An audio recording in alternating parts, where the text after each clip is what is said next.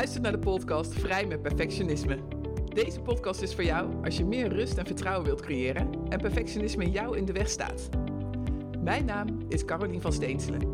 Ik ben oprichter van Van Lien Coaching, waar ik mensen dagelijks coach met het programma Vrij Leven en het programma Vrij Werken met Perfectionisme.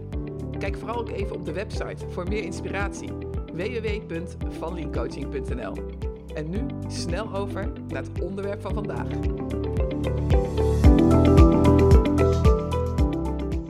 Wat super leuk dat je weer luistert naar een aflevering van de Vrij met Perfectionisme podcast. De vorige aflevering vertelde ik je over het webinar Perfectionisme 5 handen om meer rust en vertrouwen te krijgen. En ik vond het zo leuk om te doen en de reacties waren ook zo positief dat ik heb besloten om 11 en 24 mei dit webinar nog een keer te geven. Dus als je het leuk vindt, wees welkom. En je kunt je aanmelden via mijn website onder het kopje aanbod. Super leuk als je erbij bent. Nou, vandaag wil ik het hebben over hoe je vrienden kunt worden met je imposter. Ik kom namelijk in mijn coachruimte veel imposters tegen. En vaak komen mensen naar me toe omdat ze niet tevreden zijn in hun huidige baan en dan moeite hebben om daar echt in beweging mee te kunnen komen. Dat ze dan niet zo goed weten wat ze willen of waar hun hartje nou zo sneller van gaat slaan. En vaak hebben ze dan al veel vacatures gelezen en zijn ze moedeloos afgehaakt omdat ze bij het lezen van zo'n vacature al snel denken: dat kan ik niet. Ben ik ondergeschikt voor? Nou, wanneer ik dan doorvraag, dan blijft dat, blijft dat nergens op te slaan. En ze hebben de papieren, de ervaring. En nog wordt er gedacht dat ze, dat ze daar ondergeschikt voor zijn. Nou, een enkeling solliciteert zelfs op een functie onder zijn of haar niveau, omdat ze ervan overtuigd is dat ze alleen dat aan kan. Nou, dat zet je toch aan het nadenken. Of mij in ieder geval wel. want hoe kan het toch dat al deze fantastische mensen zo getalenteerd, zo getalenteerd zijn en zo over zichzelf denken? Nou, één ding is zeker. Wij mensen hebben een hoop fantastische vaardigheden. Maar één daarvan kunnen we misschien wel onze superkracht noemen. En dat is ons vermogen om onszelf te overtuigen dat wanneer iets waar is, wanneer dat niet zo is. 75% van ons heeft zichzelf ervan overtuigd dat hij een imposter of een fraudeur is als het gaat over werk of carrière. Of erger, we hebben onszelf ervan overtuigd dat we, dat we het niet waard zijn of niet goed genoeg zijn. En dat we het daarom niet eens meer proberen. Misschien herken je het wel, dat je jezelf afvraagt of je die baan wel hebt verdiend of had je gewoon geluk of ben je er gewoon ingerold. Maar wat is het imposter syndroom nou eigenlijk? Is dat in twijfel trekken van je prestaties en dan leven met de angst dat iemand anders daarachter komt. Dat je niet goed genoeg bent.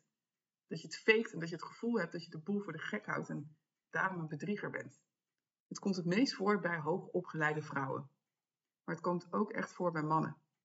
En wanneer je van nature een laag zelfbeeld hebt of vaak twijfelt of struggelt met je perfectionisme, dan loop je meer kans om last te krijgen van het imposter syndroom.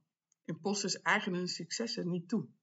En wanneer je een imposter bent, dan denk je dat je je successen met toeval of geluk te maken hebben. Of juist met de omstandigheden die er waren.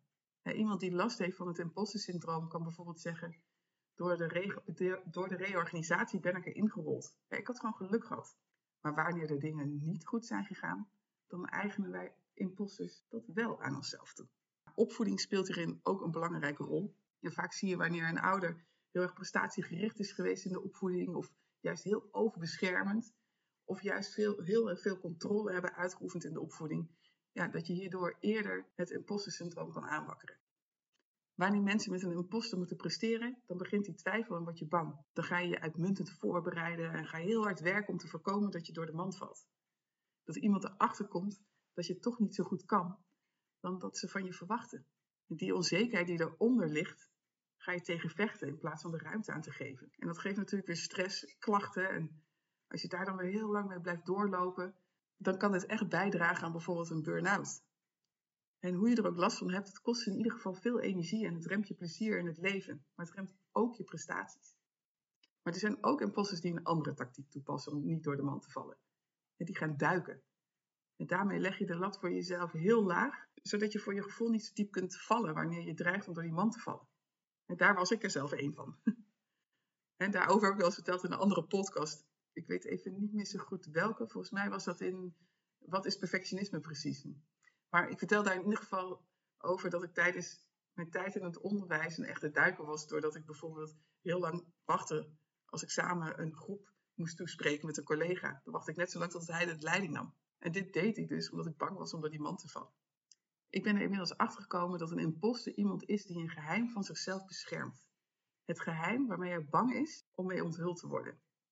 Zo ben ik zelf ook een imposter met een geheim. Zo heb ik jarenlang mijn best gedaan om ervoor te zorgen dat mensen er niet achter kwamen dat ik vroeger de MAVO heb gedaan. En waarschijnlijk zullen jullie denken, nou en, heel veel mensen met een MAVO-diploma hebben een goed leven en hebben een geweldige carrière. En dat is nou precies het punt. Wanneer je leeft met het imposter syndroom, wat je ook maar denkt dat je ongeschikt maakt, is dat ene geheim waar je alles voor wil doen om te beschermen. Jarenlang heb ik hier omheen gedraaid dat ik de MAVO heb gedaan.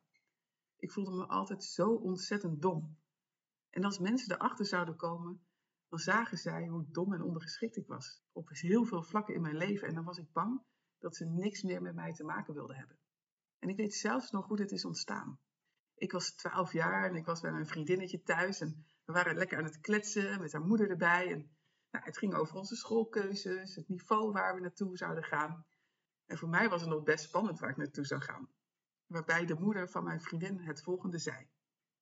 Als het maar geen MAVO wordt, want dat is wel een heel erg laag niveau en dan kun je echt weinig in het leven. Nou, je kan je vast wel voorstellen, maar ik schaamde mij kapot toen bekend werd dat het toch de MAVO werd. Ik voelde mij zo dom. En op dat moment besloot ik om dat nooit, of in ieder geval zo min mogelijk te vertellen. Ik was twaalf en ik heb bijna tot mijn veertigste met dit geheim gelopen, of in ieder geval beperkt gedeeld. En daarom was ik bang om door de man te vallen. En heel soms durfde ik het te delen met iemand die ook de MAVO had gedaan en verder had gestudeerd. En dan konden we samen even onze schaamte delen. Omdat ik dit geheim bij me hield, bleef ik me zo achtervolgen en zag ik overal bevestiging dat ik dom was. En mijn zus werd bijvoorbeeld de hemel in geprezen omdat ze ging studeren. En dat was ook hartstikke goed van haar. Maar voor mij was het een bevestiging dat ik dom was. En de opmerkingen die werden gemaakt over mijn doorzettingsvermogen, over mijn intelligentie, over de andere kwaliteiten, de andere kwaliteiten, die hoorde ik helemaal niet. Of ik geloofde ze niet, omdat ik op 12-jarige leeftijd mezelf heb wijsgemaakt dat je je moet schamen omdat je de MAVO doet, omdat het een veel te laag niveau is en er dan eigenlijk niks van je terechtkomt. En toen is er een moment geweest dat ik heb besloten om dit niet meer geheim te houden. Want het slaat immers ook nergens op, want het is gewoon wat het is en het maakt mij niet meer of minder. Ik weet nog dat ik met iemand in gesprek was die in mijn ogen erg intelligent was en ik wist ook dat zij ooit VWO had gedaan. Ik zag mijn kans in het gesprek om mijn geheim te onthullen, in plaats om het weer te verbloemen of eromheen te praten en te vermijden. En daar was het moment. Ik vertelde het haar. En ik wachtte angstvallig met een beetje zwetende oksels wat haar reactie zou zijn. En het was niks. Ze zei er helemaal niks over. Ze deed gewoon heel normaal. Het gesprek liep gewoon door. Er gebeurde niks, gewoon echt helemaal niks. Geen afwijzing. Ze liep niet weg, ze lachte me niet uit. Ik kreeg geen draaiende ogen, geen verbazende blik. Gewoon helemaal niks. En later heb ik dit meerdere mensen verteld en het gekke is, niemand maakte het iets uit. De wereld maakt het helemaal niet uit dat ik de MAVO heb gedaan. En ik heb dit geheim zo'n twintig jaar bij me gedragen en nu, nu was het uitgesproken en de stress en de angst waren gewoon weg. Dus ik overtuigde mezelf dat ik een bedrieger was. Ik liet me overtuigen door mijn superkracht dat ik een bedrieger was. En het was gewoon een leugen. Het klopte gewoon niet. Nou, en toen kwam ik erachter dat het geheim mijn imposter-syndroom aanwakkerde. En door dat geheim te delen, heb ik die kracht weggenomen. Ja, ik deel mijn struggle met perfectionisme en nou, daaronder valt dus ook het imposter-syndroom, zo nu via mijn podcast, maar dat deed ik ook al eerder via mijn socials, in gesprekken met mensen en sinds kort dus via mijn webinar Perfectionisme vijf handvatten om weer rust en vertrouwen te krijgen. En die reacties zijn zo ongelooflijk mooi. Mensen delen hun struggles met perfectionisme en met een imposter. En ze herkennen zichzelf erin. En soms juist nu of in het verleden en vertellen ze hun weg hoe ze daarmee om zijn gegaan. En het is zo waardevol om dat met elkaar te delen, omdat je dan er niet meer alleen voor staat. Of dat je denkt dat je de enige bent of dat je gek bent. Sterker nog, het imposter-syndroom is universeel, omdat het imposter-syndroom helemaal niks weet van carrière of status of een titel of geschiedenis of wat dan ook. En zo heb ik iemand gekozen die ervan overtuigd was dat ze in een reorganisatie eruit moest. Omdat ze dacht dat ze continu zwaar onder haar niveau van de functie presteerde. De reorganisatie, daar was al een lange tijd wel sprake en heeft uiteindelijk ook plaatsgevonden. En in die tussentijd coachte ik haar. En ze piekerde er veel over en ze overtuigde zichzelf dat ze niet goed genoeg was. Haar ergste beeld was dat ze door de mand zou vallen. Dat ze dan ontslagen zou worden en geen nieuwe baan meer zou kunnen vinden. En dat haar partner haar daarom zou verlaten. Dus we gingen in een gesprek van spannend, misschien komt er een reorganisatie aan haar. Ik verlies mijn baan, kom nergens meer aan de bak en mijn partner verlaat me. Nou, hier hebben we samen aan gewerkt en ze heeft haar perspectief dat ze een posten een fraudeur is veranderd. Ze is namelijk geen fraudeur. Ze leverde goede prestaties op haar werk. Er was geen bewijs dat ze er niks van kon. En ja, ze heeft fouten gemaakt en ja, ze weet niet alles. Maar dat is het leven, dat doen we allemaal. Maar ze is geen fraudeur. Door hier aan te werken en haar gevoelens van onzekerheid die eronder zaten te durven voelen en uit te spreken, en hoe eng dat ook voor haar was, veranderde haar perspectief met alle gevolgen van dien, zowel op haar werk als in haar relatie. Ze heeft haar imposter syndroom verslagen door het geheim dat ze bij haar droeg over haar onzekerheid te delen. En niet alleen met mij, maar ook op haar werk. En daarnaast had ze natuurlijk wat aanmoediging nodig dat ze geen imposter was. En het fascinerende was eigenlijk dat zij als enige in die hele reorganisatie een hogere functie aangeboden had gekregen, omdat ze zo ongelooflijk onder de indruk waren over haar capaciteiten. En wanneer jij jouw imposter aanpakt, zullen de gedachten nog steeds voorbij komen. Die gedachten in ons hoofd die als een radiozender maar door blijven ratelen. Het is namelijk niet weg te werken, weg te toveren of weg te poetsen. Maar door je perspectief te veranderen, zal het al flinke gevolgen hebben in jouw leven.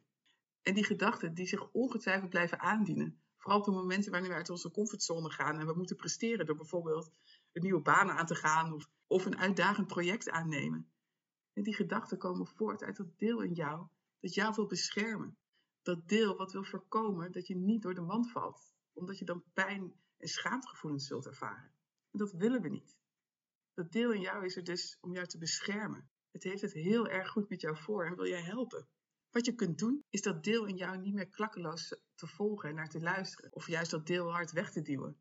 Maar kijken of je vrienden met haar kan worden. Haar kan bedanken voor alle keren dat ze jou geholpen heeft om niet door de mand te vallen. In mijn geval, wanneer dat gevoel van door de mand vallen zo weer even opkomt, bedank ik haar omdat ze ervoor wil zorgen dat ik me nooit meer zo dom hoef te voelen en te schamen van hoe ik mij als twaalfjarige toen voelde. En dan luister ik even naar haar bezorgdheid maar ik kan dan vervolgens zelf beslissen wat ik wel of niet ga doen of wel of niet ga zeggen. In plaats van dat ik angstvallig het uit de weg ga of ga proberen elkaar te werken om er niet door die man te vallen. Dus kijk eens hoe jij vrienden kan worden met jouw imposter. En nu heb ik een vraag aan jou. Heb jij last van het imposter syndroom? Ervaar jij van die momenten dat je het gevoel hebt dat je niet goed genoeg bent? En leef je in angst dat iemand daarachter komt? En vind je het moeilijk om complimenten te accepteren over je werk? Of wuif je het weg zo van, ach, het valt wel mee. Of ik heb gewoon geluk gehad of ik ben erin gerold. Ervaar je stress of je wel of niet aan de verwachtingen van anderen kan voldoen. Met het gevoel dat je keihard gaat werken omdat je denkt dat je jezelf moet bewijzen. Of saboteer je jezelf. Ben je zo bang om te leveren in je werk omdat je zo bang bent dat je het niet goed genoeg doet. En dat je daarom niet aan begint. 75% heeft last of gaat last krijgen van het imposter De vraag is, wat ga je eraan doen? En ook nu heb ik weer een waardevolle oefening voor je. Het bestaat uit drie delen. En ik wil je alvast vertellen dat je hiervoor wel een risico moet nemen.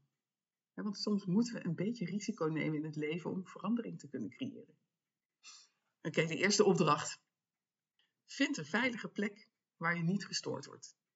En sluit dan even je ogen en onderzoek eens welk geheim jij beschermt dat ervoor zorgt om niet door de man te vallen. Het geheim wat zegt dat je niet goed genoeg bent. En neem er echt even de tijd voor om dit te onderzoeken. En je kunt als je wilt ook pen en papier pakken en het schrijvend verder onderzoeken. En als dat zo helder is voor jou, dan mag je een veilige en comfortabele plek zoeken om jouw geheim te delen. Vertel jouw geheim dat zegt dat je niet goed genoeg bent. En dan een laatste, de derde oefening. En dat is echt een hele krachtige om jouw imposter aan te pakken, is om anderen aan te moedigen. Als jij iemand ziet met kwaliteiten waar je van onder de indruk bent, benoem dat dan. Denk het niet alleen maar, zeg het, zodat je kan bijdragen aan dat ze zichzelf zien zoals de wereld ze ziet. Stel het niet uit en pak jouw imposter syndroom aan. En vertel jouw geheim, waardoor jij imposter bent. En wat jouw leugen ook mag zijn, het tegenovergestelde is waar. En de waarheid heeft altijd meer kracht dan een leugen die we onszelf vertellen. Dus wat is die waarheid van die geweldige jou? Geloof die waarheid en jouw toekomst zal veranderen. Het kan impact hebben op zoveel gebieden in je leven die je nu nog niet voorziet. En ja, ik weet dat het een hele uitdagende opdracht is. En weet dat het helemaal oké is als het je niet alleen lukt om dit te doen. En zoek er dan hulp bij. En dat kan natuurlijk bij mij, maar het kan ook op een andere manier. Dat maakt niet uit.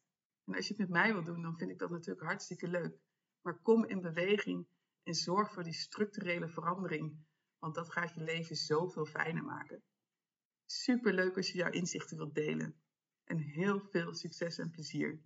En mocht je een onderwerp hebben waar je meer over wilt weten, laat het me dan weten. Dan neem ik het mee in mijn volgende podcast. Nou, ik wens je een fijne dag toe en tot over twee weken.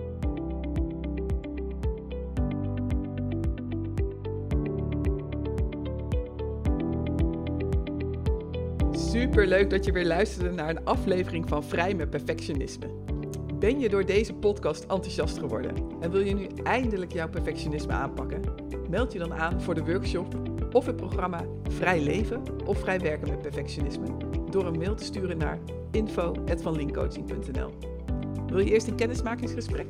Plan dan een afspraak in op vanlinkcoaching.nl slash gratis-kennismaking.